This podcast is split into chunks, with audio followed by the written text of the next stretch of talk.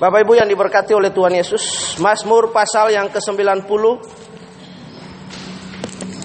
ayat yang ke-12.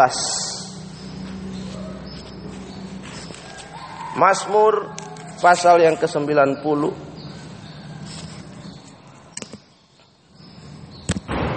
ayat yang ke-12. Jika sudah dapat semua berkata amin dan kita akan baca bersama-sama. Di Alkitab yang saudara pegang Mazmur 90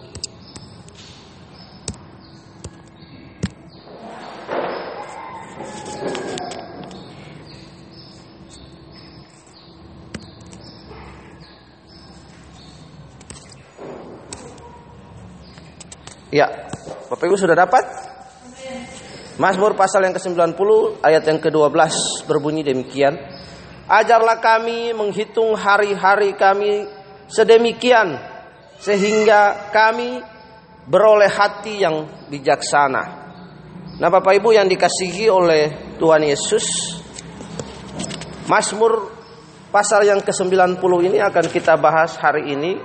Ini adalah sebuah doa daripada Musa abdi Allah, khususnya pada ayat yang ke-12 ini. Kita lihat Bapak Ibu Pemasmur mengajak kita untuk menghitung hari-hari kita hidup. Dia mengajak kita untuk kita menghitung hari-hari di mana kita hidup, beraktivitas, bekerja, dan lain sebagai mananya. Sebuah kesadaran dari pemasmur mendorong kita untuk kita menjadi lebih bijaksana dengan hidup kita. Karena just short time we living on the earth. Hanya sebentar saja waktunya sangat singkat. Kita hidup di muka bumi ini. Kalau waktu itu sangat singkat maka waktu itu menjadi sangat penting. It's very important to us. Waktu adalah emas ada pepatah berkata waktu tidak bisa kembali. Tapi waktu terus berjalan berputar tambah hari tambah waktu tambah maju ke depan. Kita berjalan terus waktu itu berjalan terus waktu tidak bisa mundur Bapak Ibu yang dikasihi oleh Tuhan Yesus. Kata menghitung dalam ayat ini artinya manah, katakan manah. Mana yang dimaksud artinya adalah agar kita membagi hari sedemikian rupa. Berhubung hari ini singkat dan sangat berharga, guna mengisinya dengan hal-hal yang bijak, bijaksana. Waktu sangat singkat, short time. Karena itu Pemasmur mendorong kita supaya kita mengingat waktu kita ke depan dan hari ini kita hidup bahwa waktu sangat singkat. Mazmur juga berkata bahwa kita hidup paling banter 80 tahun lah itu juga dengan supaya anugerah Tuhan kasih bagi kita. Nah, kalau waktu itu sangat singkat hanya 60 bahkan sampai 80 itu anugerah. Bagaimana kesadaran kita sebagai makhluk hidup, kesadaran kita sebagai orang yang sudah mengalami ketertebusan oleh Allah, kita sudah ditebus oleh Allah, kita mengisi waktu kita dengan hal-hal yang baik. Kita mengisi waktu kita dengan pengenalan akan Allah. Kita mengisi waktu kita untuk kita menjadi serupa dengan Tuhan. Katakan amin. Ini yang Tuhan mau. Kata waktu artinya to count. Kita menghitung hari-hari hidup kita. Satu hari satu hari 24 jam. Satu jam 60 menit. Bapak Ibu lihat. Satu minggu. Sama dengan enam hari, tujuh hari, satu tahun. Enam, satu tahun 12 bulan. Satu hari, satu bulan. Tiga puluh hari. Ada bahkan 31 hari kita melihat di situ. Waktu sangat cepat sekali bergerak. Karena itu dia mengajak kita to count untuk menghitung. To point, to prepare, menyiapkan waktu kita. Paulus berdoa, Bapak Ibu, Paulus berdoa kepada jemaat di Efesus. Saya akan mendorong kita untuk melihat ini. Itulah doa Paulus, juga doa saya bagi kita. Kita melihat dulu sebentar doa Paulus dalam Efesus pasal yang ke-1 ayat yang ke-17. Efesus pasal 1 ayat yang ke-17. Galatia Efesus lihat di situ pasal 1 ayat yang ke Ayat yang ke-15 saja saya kita baca. Doa untuk pengertian tentang kemuliaan Kristus. Karena itu setelah aku mendengar tentang imanmu dalam Tuhan Yesus dan tentang kasihmu terhadap semua orang kudus. Aku pun tidak berhenti mengucap syukur karena kamu dan aku selalu mengingat kamu dalam doaku dan meminta kepada Allah Tuhan kita Yesus Kristus yaitu Bapa yang mulia itu supaya ia memberikan yang pertama roh hikmat dan yang kedua wahyu untuk apa? Untuk mengenal Allah dengan benar dan yang kedua untuk menjadikan mata hati kita, nesama kita, roh kita agar kita mengerti pengharapan apa yang terkandung dalam panggilannya. Betapa kayanya kemuliaan bagi bagian yang ditentukan bagi orang-orang kudus. Bapak Ibu, waktu ini sangat singkat.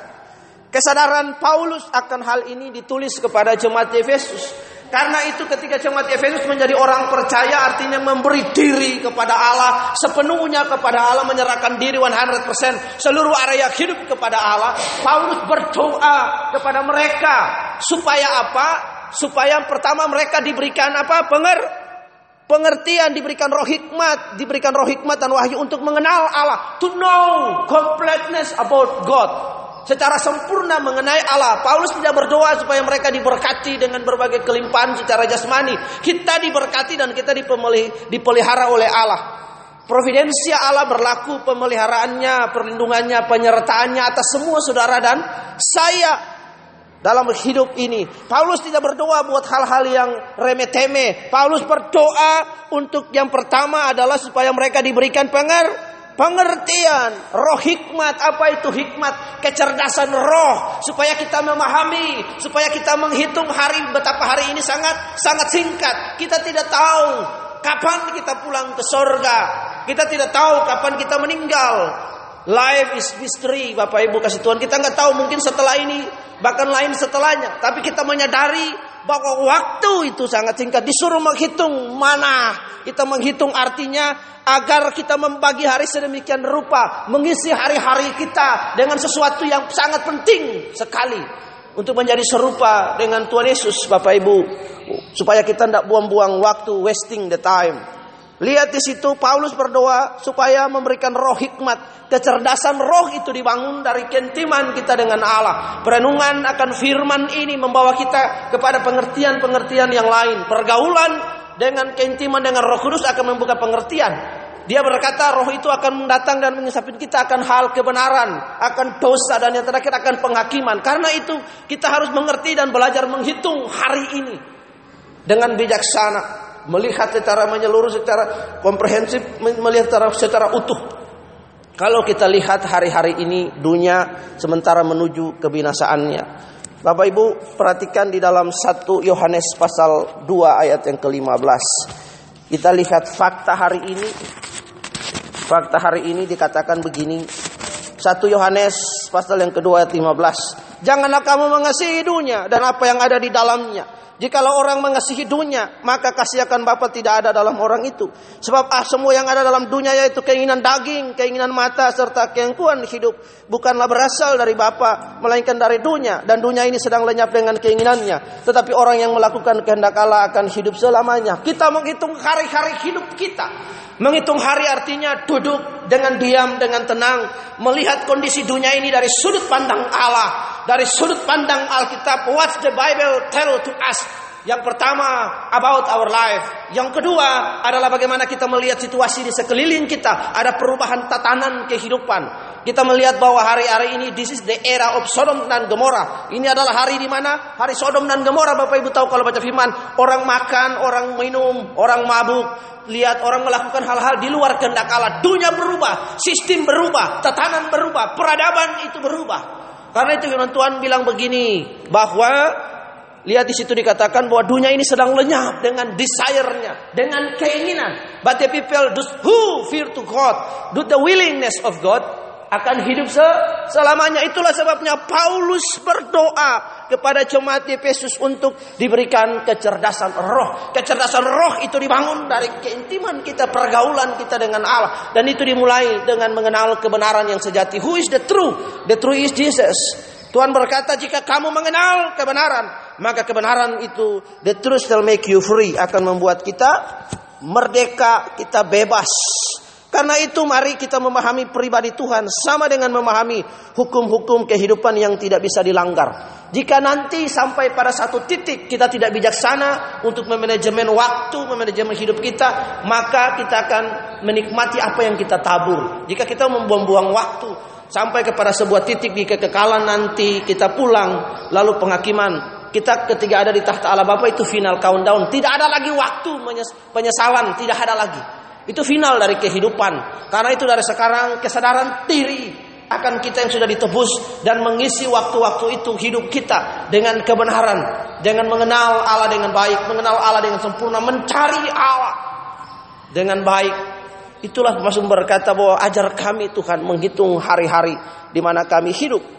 Paulus mengerti prinsip ini dan dia berdoa supaya jemaat yang pertama memiliki roh hikmat dan yang kedua wahyu the revelation to know about him. Selama ini kan pengertian-pengertian kita juga salah tentang Tuhan. Jika pengertian kita salah tentang Allah, maka cara ibadah kita salah, cara kita bernalar dengan firman Tuhan itu salah. Yesus yang kita kenal, Yesus ilusi yang sesuai dengan keinginan kita. Tapi kita harus mengenal Kristus secara benar, dimulai dengan membaca Alkitab. Alkitab mendeskripsikan secara jelas siapa itu Yesus, siapa itu Tuhan. Jika konsep kita salah tentang Allah, maka pengertian kita juga salah, tindakan kita juga salah, hasilnya akan salah.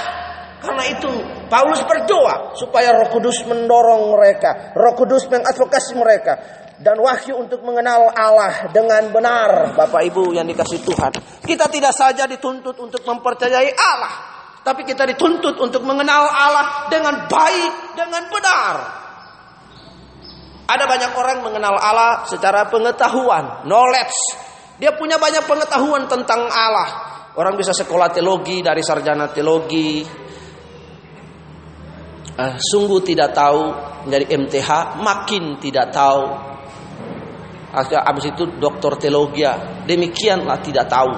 Sarjana teologi, sungguh tidak tahu. STH, MTH makin tidak tahu dokter teologi lagi. Demikianlah tidak tahu. Bukan berarti kita tidak boleh memiliki pengetahuan tentang Allah. Kita harus belajar tentang Allah. Tapi harus dibarengi dengan illumination kita. Harus diimani, harus dialami dengan perjumpaan kita dengan Allah secara pribadi. Nah ini yang perlu kita kenal. Jadi tidak saja kita mengenal Allah. Oh iya kita tahu tentang Allah. Nah itu disebut teis. Teoritis kita tahu tentang Allah. Tapi dalam praktek hari-hari keseharian kita hidup, kita tidak mencerminkan itu. Kita hidup tahu orang tahu kita Kristen, tetapi dalam kita mengambil keputusan, kita bertindak, kita memilih, kita tidak melibatkan Allah dalam hidup kita. Bapak Ibu yang dikasihi, Paulus berdoa supaya mengenal Allah roh hikmat dan wahyu untuk kita mengenal dia, to know about him and to make him known in our daily life. Mengenal Allah dengan sempurna, dengan benar. Berarti pengertian jemaat di Efesus waktu itu yang adalah unbelievers since they believe to Christ, pengertian mereka belum utuh, pengertian mereka belum komplit tentang Yesus. Itulah yang Paulus berdoa kepada mereka supaya roh Allah, roh kudus, roh hikmat, roh wahyu itu untuk mengenal dia dengan benar melalui pembacaan-pembacaan Al Alkitab. Pembacaan firman Tuhan ini tidak ada bukti yang lain. Yang kedua, dan supaya ia menjadikan mata hati kita terang. Kata mata hati kita, hati nurani konsisten. Basis pertobatan. Ingat Bapak Ibu yang dikasih oleh Tuhan. Allah selalu berurusan dengan sikap ha, hati kita. Jika hati kita buruk, jika hati kita busuk, jika hati kita jelek, itu akan terpancar dari mimik wajah kita. Iya, kalau orang sudah jengkel, tidak mungkin kan dia sudah marah atau dia hatinya sudah jelek kan tidak mungkin dia senyum. Senyum juga tapi dipaksa kecut. Misalnya misalnya saya tidak senang sama Heri, wah muka saya udah jelek. Halo Heri, ya. Salam. Tidak tulus. Bapak Ibu kata tulus dan bulus itu beda. Satu huruf aja. Tulus dan bu bulus. Iya, tulus dan bu, bulus dekat sekali. Karena itu mata hati kita, hati nurani kita. Hati nurani kita harus diasah supaya kita mengenal kehendak Allah, kita mengenal kebenaran itu. Nah, kalau seseorang hati nuraninya konsistensi ini udah rusak, dia tidak mengenal kebe kebenaran. Hati nurani ini harus kita asah, harus kita isi, harus kita kasih makan dengan hal-hal yang baik dan juga firman Tuhan yang utama dalam hidup kita. Hati nurani, hati nurani kita harus bisa membedakan mana yang benar, mana yang tidak benar, mana dosa dan mana tidak dosa, mana yang membawa kemuliaan, mana yang menyakiti hati Tuhan, mana yang tidak menyakiti tidak menyakiti hati Tuhan. Ketika hati nurani ini mati, maka hidup itu jadi mati. Bapak Ibu firman Tuhan berkata dari hati terpancar kehi, kehidupan. Hati kita terpancar kehidupan. Nah mungkin kalau hati saya uh, apa baik yang keluar buah yang busuk enggak. Kalau hati kita baik yang keluar apa? Baik. Pengertian kita benar akan memproduksi juga tindakan dan hasil yang benar. Karena itu dia berdoa di waktu ini. Mari kita belajar untuk menghitung hari-hari di mana kita tinggal, di mana kita berada supaya kita beroleh pengertian dan bijaksana. Bapak Ibu Matius Injil Matius pasal yang ke 25 kita buka Matius. Itu adalah perumpamaan yang terakhir dari Injil pertama Injil Matius tentang hal ini. Sebelum Tuhan Yesus menyerahkan dirinya untuk disalibkan mati dan menebus saudara dan saya. Bapak Ibu kita melihat di situ perumpamaan yang terakhir itu ada dua perumpamaan yang terakhir yaitu perumpamaan tentang gadis-gadis yang bijaksana dan gadis-gadis yang bodoh. Lalu ayat yang ke-14 itu perumpamaan tentang talenta. Dua perumpamaan perumpamaan ini berkaitan erat. Saya jelaskan secara singkat bagi kita supaya menolong pemahaman kita. Perumpamaan ini juga menggambarkan apa yang sudah digambarkan tadi oleh perjanjian lama tadi dalam Mazmur pasal yang ke-90 ayat yang ke-12 bahwa mereka harus mengisi hari-hari hidup mereka supaya nanti final countdown itu datang. Mereka masuk ke dalam pesta itu. Mereka menikmati. Gara-gara di sana mereka tidak mempersiapkan dirinya. Hidup ini kita harus mempersiapkan hidup kita. Kesadaran akan ada penghakiman setelah kita mati. Itu harus menolong kita supaya kita mempersiapkan diri kita dengan baik dan benar. Gadis-gadis yang bijaksana mempersiapkan hidupnya dengan benar mereka mempersiapkan hidupnya, mempersiapkan segala sesuatu, menghitung harinya dengan bijaksana, memandang dan melihat hidup ini dari perspektif Allah. Lalu dia melihat mengindra sekelilingnya bahwa dunia ini dalam Yohanes tadi dunia ini berubah dengan segala keinginannya orang yang tidak mengenal Allah. Lalu bagaimana mempersiapkan diri sedemikian rupa dalam takut akan Tuhan, dalam percaya akan Dia, pengertian yang benar bahwa mengerjakan keselamatan itu dengan takut akan Allah. Sehingga ketiga panggilan itu datang, Ketika Allah berkata, "My son, your time is come." Anakmu waktumu sudah tiba. Maka anak itu akan lari dengan senang, "Yes, I come to daddy home. I back to my daddy home." Bapak Ibu ada sebuah video saya dapat dari salah satu rekan di Australia yang dikirim via messenger itu juga dikirim dari bapak angkat saya, Pak Daniel Alexander. Pendeta Roni Sojak itu meninggal, keluarganya berkumpul, mereka menyerahkan dia ke Tuhan. Mereka mungkin sedih secara manusia, tapi mereka menyerahkan Tuhan orang tua mereka sebagai pahlawan iman dan mereka berkata sampai jumpa lagi papa di sorga. Mereka berdoa dan menyerahkan papanya sekeluarga bergandengan tangan berkumpul. Papanya di ICU dan menyerahkan papanya. Ketika mereka berdoa dan mengucap syukur, papanya kembali ke surga. Jantungnya putus di tanda jantung di alat itu. Mereka bersuka cita karena papanya pulang. Karena dia yakin mereka mempersiapkan hidup dengan baik. Yang kedua, Bapak Ibu lihat perumpamaan talenta. Bagaimana dia mengisi waktu itu?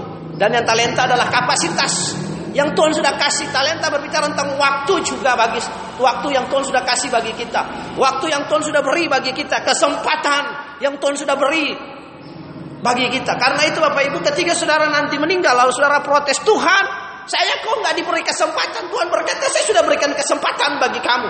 Bahkan kesempatan pertama, kesempatan kedua, tapi kamu menyanyiakan. Karena itu Bapak Ibu, kita harus menggunakan free will, kehendak bebas kita dengan takut akan Tuhan. Bukan berarti Tuhan kasih kehendak bebas lalu kita berbuat sesuka hati kita sebebas-bebasnya. Ada batasnya juga. Karena itu kita menggunakan kehendak. Apa yang kita tabur itu yang akan kita tuai, Bapak Ibu. Lihat orang gadis-gadis yang bijaksana tidak mempersiapkan dirinya dengan baik ketika waktu itu tiba akhirnya apa? Waktu itu tiba Akhirnya mereka tertolak. Bapak Ibu lihat, perumpamaan mereka tidak mempergunakan waktu, peluang, kesempatan yang sudah Tuhan percayakan, yang sudah Tuhan berikan. Orang yang mendapat empat talenta, dua talenta, mempergunakan kesempatan anugerah itu dengan baik sekali. Bapak Ibu, ketika kita ditebus itu kita diberikan anugerah. Bukan cuma-cuma, tapi bagaimana kita menangkap, menerima anugerah itu sebagai sebuah kesempatan bagi kita untuk mengerjakan keselamatan dengan takut dan gentar. Ada banyak pelajaran di luar sana Bapak Ibu nanti dalam pergaulan Bapak Ibu baca di Facebook, di renungan, mungkin dalam percakapan-percakapan atau dalam khotbah ada sebuah doktrin, sebuah teologi yang saya pribadi menentang juga pengajaran itu bahwa ada yang mengatakan sekali selamat tetap selamat. Jadi mereka percaya doktrin itu percaya kalau sekali selamat tetap selamat. Jadi kalau dia sudah sekali selamat tetap selamat di Efesus karena dia sudah ditentukan dari awal sejak semula, maka kalau dia selamat dia tetap berbuat dosa, dia selamat. Itu pengertian yang salah sekali. Sekali anugerah itu tidak murahan. Ketika Tuhan sudah menebus, kita respon kita akan kebenaran. Lalu kita mengerjakan keselamatan. Keselamatan pengertiannya adalah rancangan usaha Allah untuk mengembalikan kita pada rancangan yang semula. Kenapa harus dikembalikan kepada rancangan semula? Karena Roma 3:23 semua manusia sudah berdosa dan kehilangan kemuliaan Allah. Karena itu dengan usaha Allah Menjadikan Yesus sebagai juru selamat datang menebus kita dibawa kepada rancangan semula. Itunya Paulus berdoa tadi supaya kita diberikan pengertian, supaya kita mengenal Allah dengan benar. Wahyu untuk mengenal Allah dengan benar, hati nurani kita terang. Lalu pemazmur berkata, "Tuhan, ajar kami supaya kami hidup menghitung hari-hari di mana kami ada, supaya kita memiliki kesadaran akan Tuhan." Setiap pagi berdoa, Tuhan ajar saya supaya saya bijaksana bagaimana saya memandang hidup ini. Bagaimana saya memandang hidup saya. Bagaimana saya memandang pekerjaan Tuhan, pelayanan dan lain sebagainya. Saya menjadi bijaksana. Bapak Ibu yang dikasih oleh Tuhan, dua perumpamaan yang terakhir ini dijelaskan Tuhan Yesus menjelang saat-saat di mana dia akan berjalan menuju Via Dolorosa dan kemudian naik ke atas kayu salib dan perkataan yang menggemparkan dunia itu Eli Eli lama syahbatani. Artinya, Father, Father in heaven, why you forsaken me? Bapak, Bapak mengapa engkau meninggalkan aku? Lalu kalimat yang terakhir dia berkata dengan penuh kuasa. Dan itu menyelamatkan saudara saya 2000 tahun lebih yang lalu. Sampai hari ini bahkan kekekalan. Pernyataan itu tidak berubah. Tetelestai sudah finish dosa, karses dan lain sebagainya sudah ditebus oleh Tuhan Yesus. Karena itu kita nggak percaya kutuk hari ini. Nggak ada istilah kutuk lagi bahwa seseorang yang sudah percaya harus dilepaskan dari kutuk. Kutuk sudah ditebus oleh Tuhan atas kayu salib. Tidak ada lagi kutuk. Yang ada adalah semua orang yang berbuat apa yang dia tabur itu yang dia tuai. Perbuatan kita hukum tabur tuai.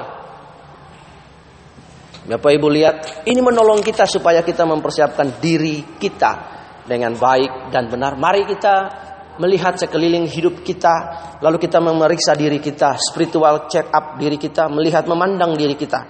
Sudah seberapa jauh saya mengasihi Tuhan, sudah seberapa jauh saya hidup untuk Tuhan, bagaimana kondisi keluarga saya, bagaimana keintiman saya dengan Tuhan. Apa yang harus saya lakukan, apa yang harus saya kerjakan. Biarlah kebenaran ini menolong kita membantu kita supaya kita mengisi hari-hari hidup kita dengan takut akan Tuhan. Pengertian ini membantu kita supaya kita jadi lebih bijaksana dengan hidup. Pengertian ini menolong saudara dan saya supaya saudara dan saya mengerjakan keselamatan dengan takut dan gentar, belajar untuk menghitung hari-hari di mana kita hidup. Mari tunduk kepala dan kita berdoa. Tuhan Yesus, kami berdoa dan kami bersyukur hari ini. Terima kasih Tuhan atas anugerah yang Tuhan sudah berikan bagi kami. Biarlah seperti pemazmur Tuhan. Kami belajar untuk menghitung hari-hari di mana kami hidup, kami tinggal supaya kami menjadi bijaksana. Lalu hamba juga berdoa seperti doa Paulus kepada gereja di tempat ini kepada jemaatmu Tuhan supaya diberikan pengertian dan wahyu untuk mengenal Allah dengan benar serta hati nurani yang diasah untuk terus mengasihi Tuhan, untuk terus berjalan, untuk terus mengerjakan keselamatan dengan takut dan gentar. Karena kami rindu sampai kepada Yerusalem baru. Kami rindu untuk masuk dalam langit baru dan bumi yang baru. Di dalam nama Tuhan Yesus kami sudah berdoa dan kami mengucap syukur. Haleluya, haleluya. Amin. Tuhan Yesus